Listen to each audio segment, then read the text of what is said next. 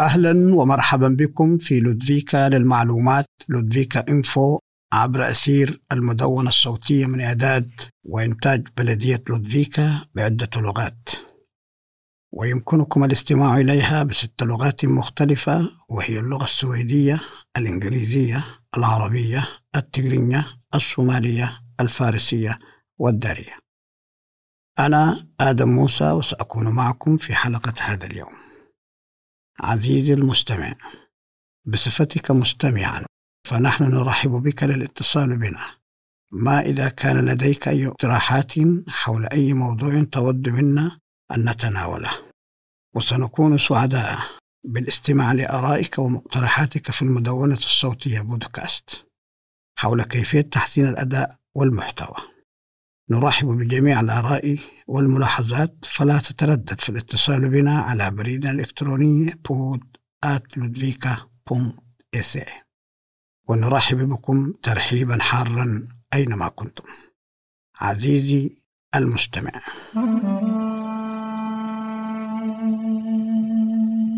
نود أن ننتهز هذه الفرصة للتنويه بأن بعض المعلومات التي ذكرت في نشراتنا السابقة عن كوفيد 19 قد استحدثت, استحدثت وعليه أننا نعمل باستمرار حتى تكون لديك أحدث المعلومات ولمزيد من المعلومات يمكنك الاتصال بالهاتف رقم صفر ثمانية واحد اثنان ثلاث ست ثمانية صفر صفر صفر.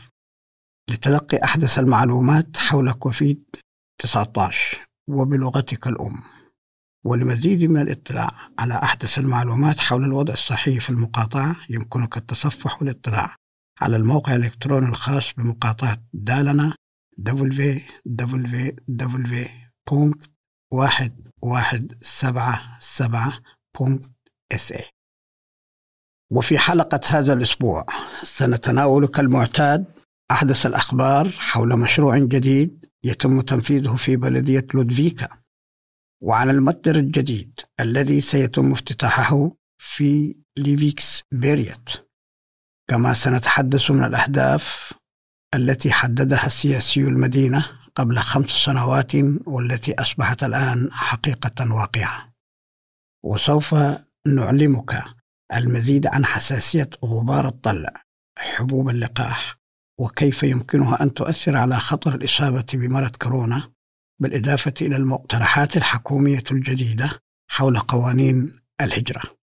وكذلك عن أول امرأة فضائية عربية. كل هذه الأخبار وأكثر في حلقة هذا الأسبوع من لودفيكا إنفو. أخبار لودفيكا ودارنا. تزايد انتشار العدوى في مقاطعة دالنا في الأسابيع الأخيرة وتقول إدارة المقاطعة أن الوضع لا يزال صعبا على سلطات الرعاية الصحية وبلدية لودفيكا هي إحدى البلديات التي تشهد ازديادا كبيرا في انتشار العدوى مع وجود عدد قليل من الأماكن في وحدة العناية المركزة والتي يتم فيها رعاية المرضى الأكثر تضررا وتتلقى مقاطعة دالنا حاليا المساعدات من مناطق أخرى لرعاية المرضى الذين يحتاجون إلى العناية المركزة. هذا وتقول البلديات أن الوباء قد انتشر في المدارس بين الطلاب والمعلمين. وكذلك بين الموظفين وكبار السن في أقسام الرعاية الصحية. ستقوم بلدية لودفيكا بتنفيذ مشروع يسمى من امرأة إلى امرأة والقائمين على المشروع يبحثون عن النساء اللائي ولدن وترعرعن في بلد آخر ويعشن ويعملن الآن في مقاطعة دالنا. وترقب إدارة المشروع في إجراء مقابلات نسوية بحيث يمكن معرفة المزيد عن شخصية المرأة وكيف أنها استطاعت تأسيس قدراتها في السويد. وكيف حصلت على وظيفتها الأولى. وحول ما إذا كان لديهن أي نصائح وإرشادات للنساء اللاتي بدأن حياتهن للتو في السويد. يهدف البرنامج إلى جمع هذه القصص في كتاب أو مجلة تقدم للنساء الوافدات حديثا إلى بلدية لودفيكا وسميديا باكن يهدف الكتاب لأن يكون مصدر إلهام للنساء الجدد في السويد واللاتي يفكرن في مسارهن الوظيفي. عزيزتي المرأة إذا كنت تريدين أن تكوني جزءا من هذا الكتاب أو تعرفي شخصية نسائية تستحق أن تكون جزءا من هذا الكتاب اتصلي بيوسفينا بلوند على رقم الهاتف صفر اثنان أربعة صفر خمسة ستة خمسة أربعة تسعة خمسة أو على البريد الإلكتروني يوسفينا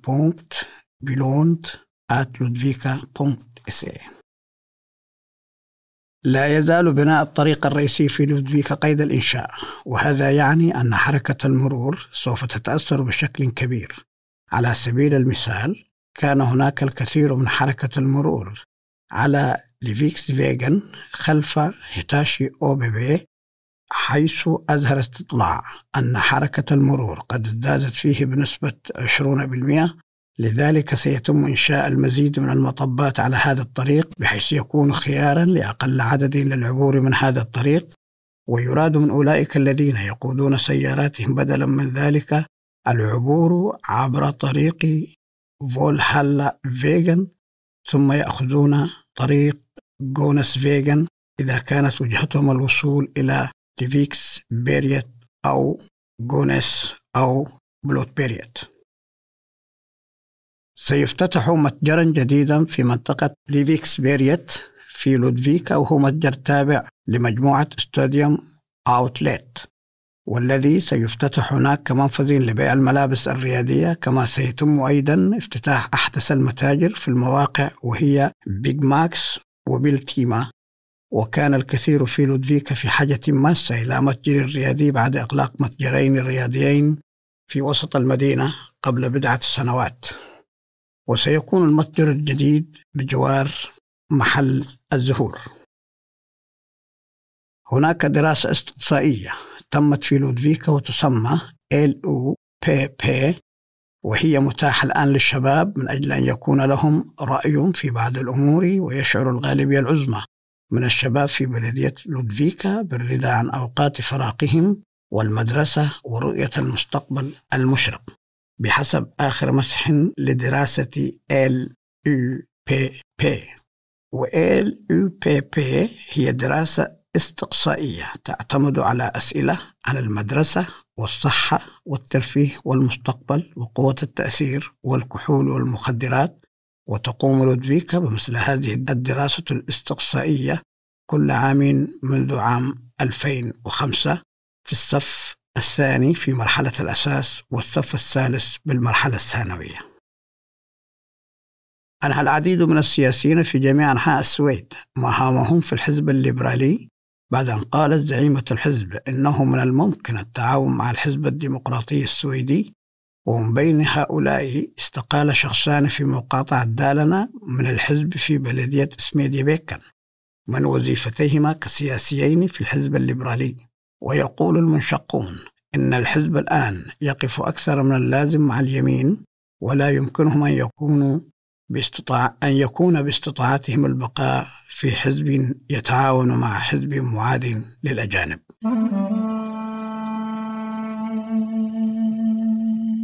أخبار السويد والعالم عزيزي المستمع نود أن نذكرك بالقواعد الحالية عندما تعيش أو تقابل شخصا مصابا ومن المهم اتباع القواعد وهذا ينطبق حتى إذا لم تظهر عليك أي أعراض للمرض. إذا قابلت شخصا مصابا بكوفيد 19 ولم تظهر عليك أعراض المرض. إذا قابلت شخصا مصابا بفيروس كوفيد 19 ولم تظهر عليك أي من الأعراض إلا أنه يجب عليك أن تدع في اعتبارك أنك قد تكون مصابا وعليك الانتباه إذا ظهرت عليك أي أعراض قد يستغرق الأمر ما يصل إلى سبعة أيام بعد إصابتك بالعدوى حتى تظهر عليك الأعراض. وعليه يجب تجنب الاتصال الوثيق مع أشخاص آخرين إذا كنت تعلم أنك قد تكون مصابا وإذا كان لديك الإمكانية يجب عليك أن تعمل من المنزل.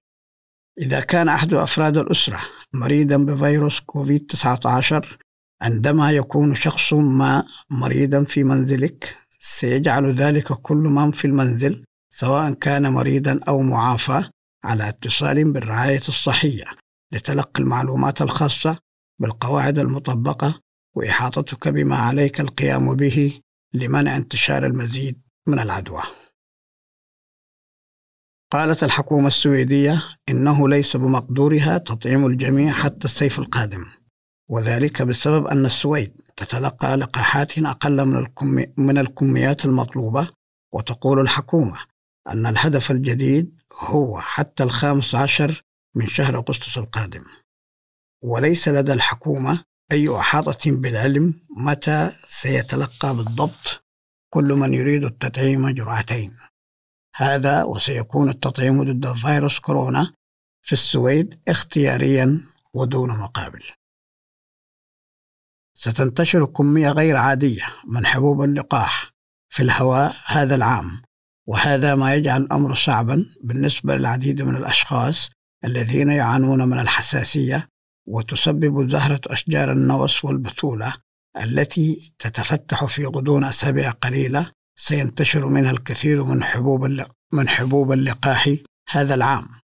وعندما يكون هناك الكثير من هذه الحبوب في الهواء سيصاب المزيد من الأشخاص بفيروس كورونا بحسب دراسة قام بها باحثون. ويعتقد أن السبب في ذلك هو أنه إنه عندما يكافح الجسم ضد هذه الحبوب سيصبح عليه من الصعب المكافحة ضد فيروس كورونا. نحن في السويد نأكل القليل من الخضار والفاكهة ولهذا نشعر بتحسن ونصبح أكثر صحة إذا فعلنا ذلك. هذا ما يقوله خبراء من سلطة الصحة العامة السويدية. ولهذا السبب يكون من المهم للأطفال أن يبدأوا في تناول الفاكهة والخضروات عندما يكونوا صغارا لأن ذلك يعطيهم فرصة أكبر لأن التعود على للتعود على ذلك عندما يكبرون بحسب ما ورد في دراسة جديدة. ومن المهم جدا بلوغ الأطفال عاما واحدا قبل تناولهم العديد من الخضروات والفواكه المختلفة.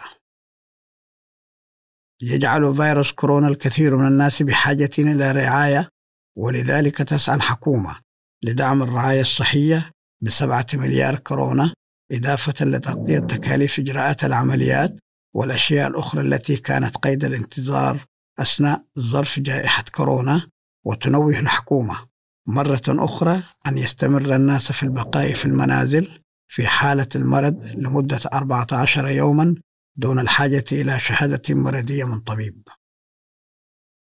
تمر الأنشطة الثقافية والريادية بوقت عصيب بسبب جائحة كورونا. حيث أصبح من الصعب كسب الأموال ويمكن أن يكون هناك ثمانية أشخاص فقط في مباراة لكرة القدم. على الأقل حتى تاريخ الثالث من مايو هذا العام. هذا وقد قدمت الحكومة مساعدات مالية للأنشطة الثقافية والرياضية وسيأتي المزيد من الدعم المالي بحسب ما قالته الوزيرة أماندا ليند. وستتلقى الأنشطة الثقافية 1.3 مليار كورونا سنويا كما ستحصل الأنشطة الريادية على مليار كورونا سويدية. وتريد الحكومة أيضا تقديم مساعدات مالية بمبلغ ثلاثة مليارات كورونا سويدية للشركات والجمعيات التي تنظم الحفلات والاجتماعات الكبيرة على سبيل المثال المهرجانات الموسيقية والأسواق والمسابقات الرياضية تنوي الحكومة تغيير القواعد القانونية للمرضى الذين لا يستطيعون العمل لفترة طويلة وسيحصل هؤلاء الأشخاص على مساعدات مالية من صندوق التأمينات الاجتماعية. وقد تعرض صندوق التأمينات الاجتماعية لكثير من الانتقادات بسبب عدم حصول الكثيرين للمساعدة التي يحتاجونها. وكان في السابق أن الكثير من المرضى ولأكثر من 180 يوما لم يحصلوا على مساعدات مالية لمدة طويلة ولكن الآن سيكون الوضع أسهل قليلا من ذي قبل. قدمت الحكومة السويدية مقترحات لقوانين جديدة تتعلق بشأن الهجرة بحيث يتعين أن يحصل كل شخص منح حق اللجوء في السويد على تسريح إقامة مؤقتة. وستكون هناك قوانين أكثر أكثر صرامة للحصول على تسريح للإقامة الدائمة وهو تسريح إقامة سارية المفعول إلى الأبد. وقوانين الهجرة السارية اليوم هي قوانين مؤقتة دخلت حيز التنفيذ في عام 2016 بعد توافد الكثير من طالبي اللجوء إلى السويد حيث أصبح الحصول على تسريح الإقامة الدائمة ولم شمل العائلات أكثر صعوبة. وستكون بعض القوانين أكثر صرامة وفقا للاقتراح الجديد وسيكون هناك المزيد من الشروط للحصول على تسريح الإقامة الدائمة مثل أن تكون قادرا على إعالة نفسك وأن يكون لديك إلمام باللغة السويدية وألا تكون قد ارتكبت جرائم خطيرة. عندما يشتبه شخص ما عندما يشتبه شخص ما في ارتكاب جريمة يتم إيقافه على ذمة التحقيق ويظل الشخص محبوسا لمدة طويلة حتى وإن لم يعد مشتبها فيه أو حتى تتم محاكمته. وقد تعرضت السويد لانتقادات شديدة لسماحها بالحبس لفترات طويلة حيث كان يتم احتجاز الأشخاص لفترات طويلة جدا تصل في بعض الأحيان لعدة سنوات. ولكن البرلمان السويدي عن هذه المشكلة الآن, المشكلة الآن حيث قرر أنه لا يجوز حجز الشباب الذين تتراوح أعمارهم ما بين الخامسة عشر والثامنة عشر عاما. لأكثر من ثلاثة أشهر على ذمة التحقيق كما أن الأشخاص البالغين المشتبه بهم فإنه يتم حجزهم على ذمة التحقيق لمدة تسعة أشهر كحد أقصى. ثم بعد ذلك يجب تقديم هؤلاء إلى المحاكم. أصبح الإنترنت أهمية كبيرة في حياتنا اليومية ومن الصعب التأقلم في السويد بدون إنترنت سريع وقد وعدت الحكومة أن يحصل كل شخص تقريبا في السويد على إنترنت سريع في العام الماضي. وكان من المقرر أن يحصل 95% على إنترنت سريع ولكن هذا لم يحدث وأن 85 فقط هم من تلقوا إنترنت سريع وكانت المشاكل أكبر في القرى والأرياف خارج المدن. هذا وسوف يستغرق معالجة, المشا... معالجة المشاكل وقتا قبل أن يحصل الجميع على إنترنت سريع وتأمر الحكومة الآن في أن تكون أوفت بوعدها حتى عام 2025 ووعدت الحكومة بضخ المزيد من الأموال لإنجاح وعودها. اعتقلت الشرطة الأمنية سابو شخصين يشتبه في قيامهما بالتحضير لجريمة إرهابية بطريقة ما وهما الآن رهن الاعتقال على ذمة التحقيق وكان الشخصان يعملان لفترة طويلة إلى حد ما قبل أن يتم اعتقالهما ولم تصرح الشرطة الأمنية سابو عن نوع الجريمة الإرهابية التي تم التخطيط لها. حتى لا يؤثر ذلك على سير إجراءات التحقيق وحماية الأدلة. وقال المعتقلان أنهما لم يرتكبا أي جريمة من هذا القبيل. قدمت دولة الإمارات العربية المتحدة أول رائدة فضاء إماراتية وبالتالي فهي تعد أول رائدة فضاء في العالم من أصل عربي. نورة المطروشي المولودة في عام 1993 مهندسة ميكانيكية وهي واحدة من رائدي فضاء حديثين تم اختيارهما من بين أربعة آلاف مرشح في برنامج الفضاء الحكومي. يحتفل المسلمون مرة في السنة بشهر رمضان وبدأ شهر رمضان لهذا العام. يوم الثلاثاء الموافق الثالث عشر من أبريل ويصوم المسلمون خلال شهر رمضان ثلاثون يوما يمتنعون فيه من الطعام والشراب حتى غروب الشمس.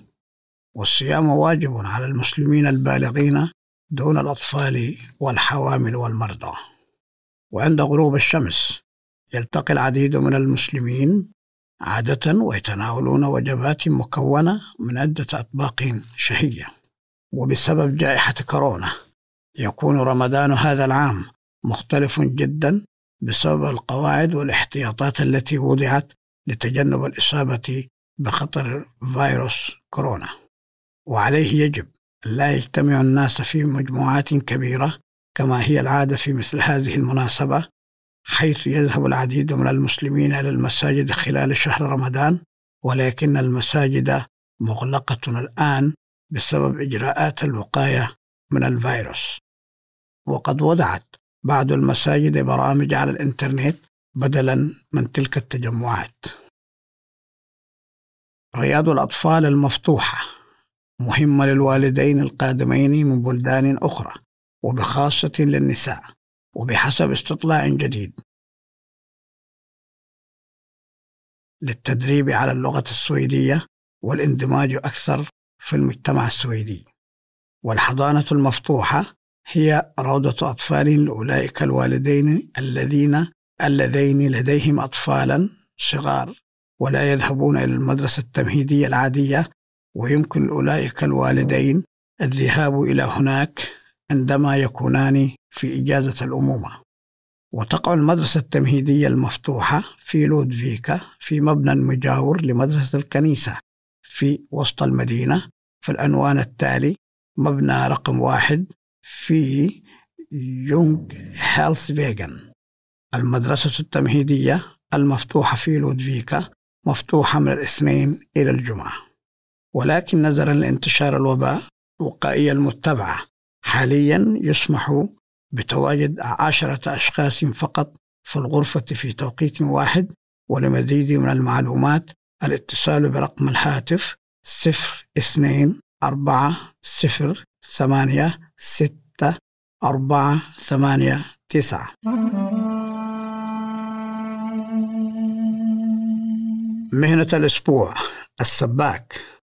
عزيزي المستمع نخبرك اليوم قليلا عن ماهية فني السباكة يقوم السباك بتركيب وإصلاح خدمات الأنابيب وغيرها من معدات التدفئة والمياه والصرف الصحي في المباني السكنية والمباني الأخرى مثل المستشفيات والمباني التجارية والمكاتب.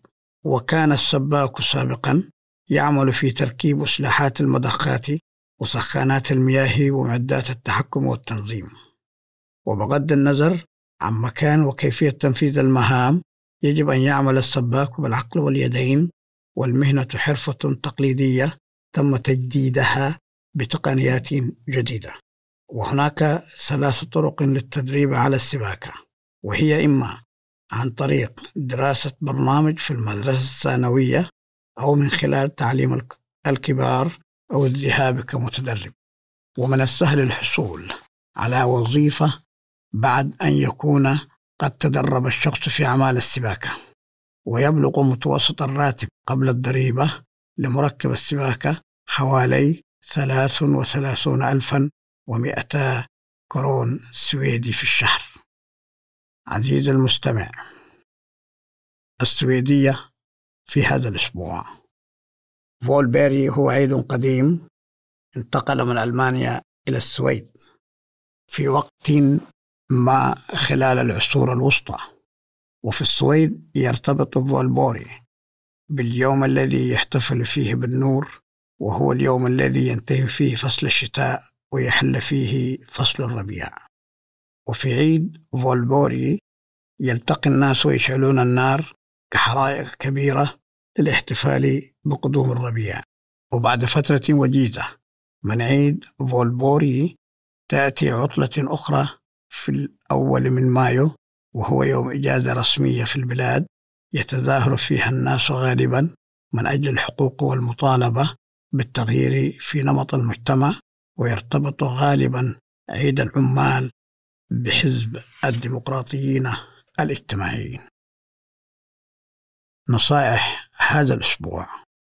هناك موقع على شبكة الإنترنت وهو www.wordplay.sa وتوجد به العديد من الأفلام والتمارين التي يمكن أن تكون مفيدة لأطفالك عند دراستهم عن بعد حيث هناك مواد جيدة لكل المراحل من مرحلة ما قبل التعليم المدرسي وحتى المرحلة الثانوية.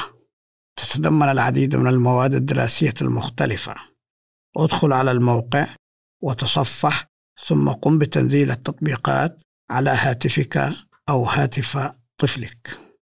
عزيزي المستمع شكرا لك للاستماع إلى حلقة هذا الأسبوع من لودفيكا إنفو ولا تنسى الاتصال بنا إذا كان لديك أي استفسار تريد منا الإجابة عليه أو ربما لديك شخص تعتقد أنه يجب أن يكون معنا في هذا البرنامج. اكتب إلينا على بود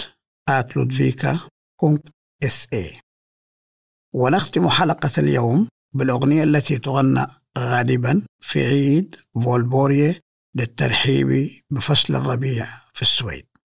وفي ختام حلقتنا لهذا الأسبوع أشكركم على حسن استماعكم وأحييكم أنا آدم موسى وهذه تحيات مهندس الصوت الموهوب ماتي هانينان. وإلى لقاء جديد في الأسبوع القادم في أمان الله.